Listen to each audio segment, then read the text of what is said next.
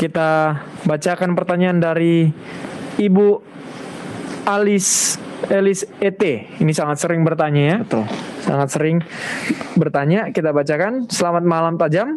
Saya ingin bertanya dalam kejadian 2 ayat 8. Apakah Eden masih ada sampai sekarang? Di mana letaknya pendeta? Kita bacakan. 2 ayat 8 dalam kejadian. Selanjutnya, perikopnya adalah manusia dan taman Eden. Selanjutnya, Tuhan Allah membuat taman di Eden. Di sebelah timur, di situlah ditempatkannya manusia yang dibentuknya itu. Nah, kalau kita baca di sini, di sini nggak ada di, di ditulis ya. Iya. Uh, tapi kalau kita baca di di uh, secara geografis maksudnya, Iya. secara geografis banyak orang yang bilang bahwa Taman Eden itu ada di Timur Tengah Awalnya. awalnya Iya. ada di Timur Tengah dan eh, beberapa pembicara beberapa pembicara mengatakan bahwa eh, kesucian tamannya udah diangkat ke sorga gitu atau taman Edennya diangkat ke sorga tapi karena ini adalah pro- eh, program tajam kita mau tahu tentang eh, dari isi Beralkitab. Alkitab ya apa apa kata Alkitab pendeta kira-kira Terima kasih. Sekarang di atas dunia ini tidak ada lagi tempat yang tidak bisa dilacak dengan GPS atau dengan apa namanya mesin-mesin elektronik apa pendeteksi lokasi seperti Google Earth, uh, Google Map dan lain sebagainya.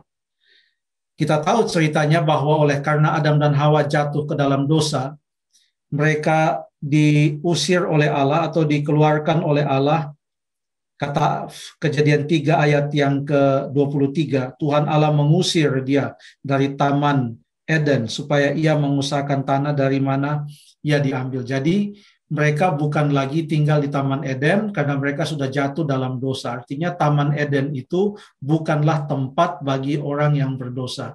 Mengingatkan cerita yang terjadi di sorga yang ada petunjuknya di dalam uh, Wahyu pasal yang ke-12 ayat 7 sampai ayat yang ke-9 pada waktu uh, naga itu dan malaikat-malaikatnya uh, berperang melawan Mikael dan malaikat-malaikatnya dan mereka tidak dapat bertahan dan mereka tidak mendapat tempat lagi di sorga dan mereka dicampakkan ke bumi.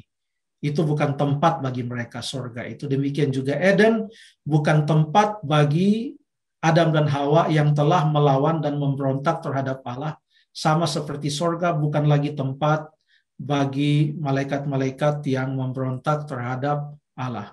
Kalau sorga kita tahu dan masih banyak disebutkan pelajaran tentang sorga di dalam Alkitab, yaitu dia adalah merupakan tempat kediaman Allah.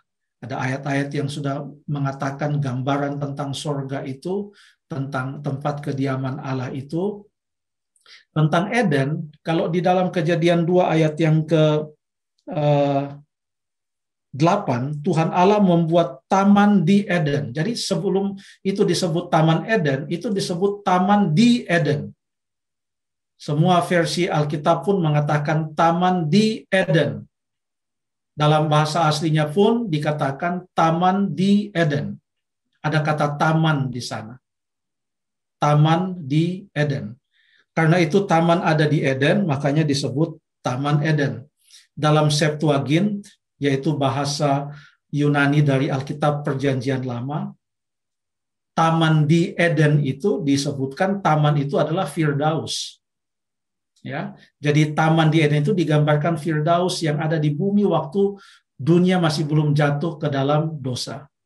Yang jelas tidak ada lagi manusia yang berdosa dan karena semua manusia sudah berdosa tidak ada lagi penduduk manusia yang berdosa di dalam taman yang di Eden itu kalau taman itu masih ada di atas dunia ini. Air bah sudah membinasakan dunia ini dan tidak ada catatan yang rinci di dalam Alkitab ke mana taman yang kudus itu tempat kediaman yang kudus sehingga Adam dan Hawa dikeluarkan daripadanya. Apakah itu juga ikut binasa? Saya percaya bahwa hal-hal yang berkaitan dengan kediaman Allah hal-hal yang berkaitan dengan suatu tempat yang kudus, maka Allah memperlakukannya dengan sangat istimewa, sebagaimana istimewanya sepanjang itu catatan Alkitab kita mau lihat, tidak ada petunjuk di mana sekarang taman itu berada.